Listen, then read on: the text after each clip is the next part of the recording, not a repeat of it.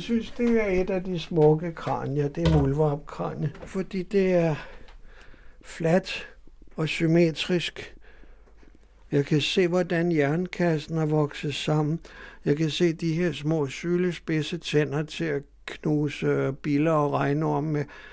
Det synes jeg, øh, øh, jeg synes sådan et er smukt, når det er færdigt. Eddie Fritz står i sit køkken med et muldvarpekranje i sine hænder. Han er en ældre mand i slutningen af 60'erne. Han har gråt hår og et mildt og venligt ansigt. Han bor med sin 97-årige mor i et hus på Amager. Det er et lille køkken, som ikke kun bliver brugt til at lave mad i. Det er også her, han bruger en masse tid på kraniesamlingen. Der er kranier på køkkenbordet, på køleskabet, i fryseren, i skabe og i smørbakker. Ved vasken er de nyeste kranier. De ligger på række. Eddie har arbejdet på Zoologisk Museum og senest på en naturskole. Det er her, han har meget af sin viden om dyr fra. Både levende og døde. Mit navn er Eddie. Eddie Fritze. Jeg samler på kranier af fugle og dyr. Men øh, gennemgående kraver, råger, husgader, ræve, mor, husmor, øh, alle mulige ender, gæs og flere andre har, og det sagde jeg vist før, det kan jeg ikke huske, men og, og, og dyr, øh, øh, hvad hedder det, rådyr og dot, og sådan noget med gevir på, det, det kan jeg lave alle dem, jeg vil, fordi det er jagtbare. Nu bliver det jo endnu mere mærkeligt, for hvis jeg så, nu har jeg også fået lov at låne kø, køkkenskabe, men øh, sådan en, en stor tigerpyton her, den betyder der noget, fordi det er jo det er temmelig fantastisk, sådan gab her. Den ser jo lidt uhyggelig ud. Men det er jo nærmest et fakirtæppe med dobbeltrækker af tænder.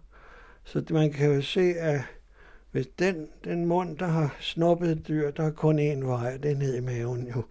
Og så har slangen jo også en, en del godt set, den kan, den vil kunne vride meget mere op, hvis den er levende, så kan den spærre hele munden op.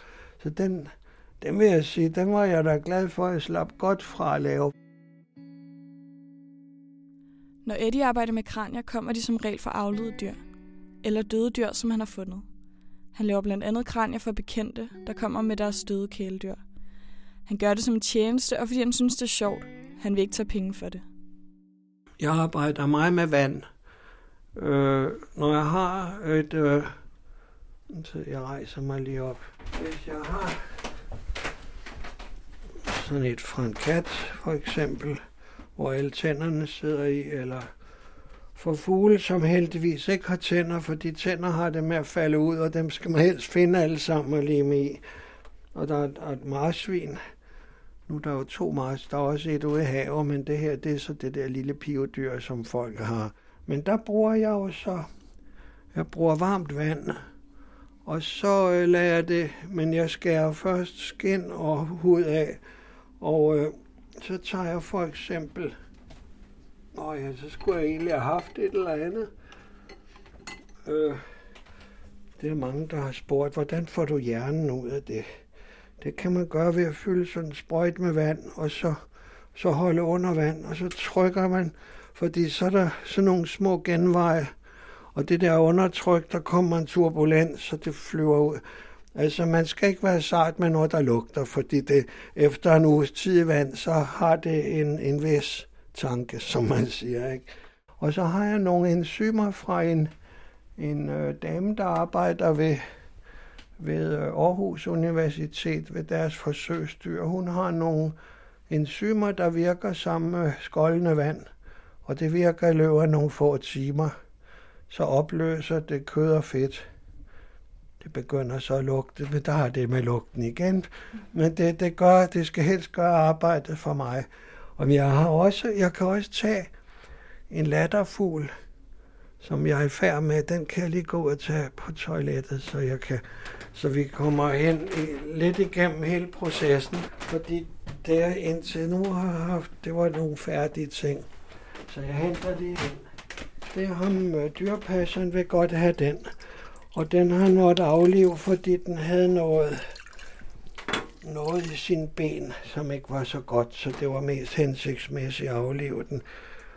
Det er så en fugl. Den ene vinge er faldet af, men jeg har den. Og den ligger så i, i et bad. Der er mange, der siger, hvorfor lugter du til det?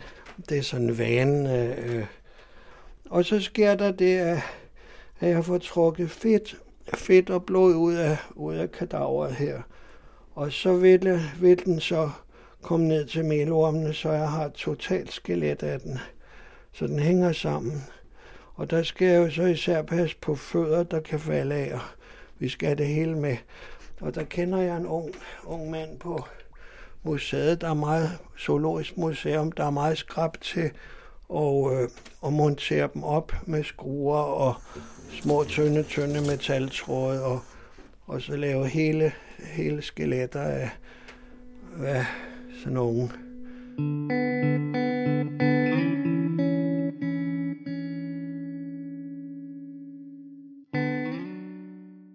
En gang, da jeg var lige siden jeg var 12-13 år gammel, og det har været, jeg er født i 50, så det, det var i 263, der havde jeg kranier, men jeg havde ikke så systematisk, eller jeg havde ikke gjort så meget ud af det, øh, som jeg gør, jeg har gjort i de senere år dengang.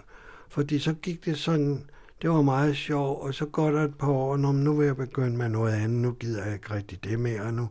Men nu, nu så, hvor jeg kom lidt op i årene, så tænker jeg, nu, nu lever jeg resten af mit liv med den hobby, og, og er det sjovt, og jeg kan glæde nogen med at lave lidt for dem, så gør jeg det. Og så er det blevet sådan, at jeg bliver ved at lave kranier, fordi nu vil jeg godt kunne, ikke gå i stå med, hvordan jeg laver. Nu vil jeg kunne lave dem til hver en tid, og så skal jeg så hele tiden holde mig. Det er blevet en livsstil. Så jeg kender flere, der siger, du er mærkelig. Ikke? jamen, som, som bare det ikke gør ondt, så, så, så må man jo være mærkelig. Ikke? Og øh, jeg har... Der er nok ikke så mange af min slags, men nogen er der altså. Der, der, er, der er nogen, der, der, går, der går op i at, at gå og lave sådan nogle ting.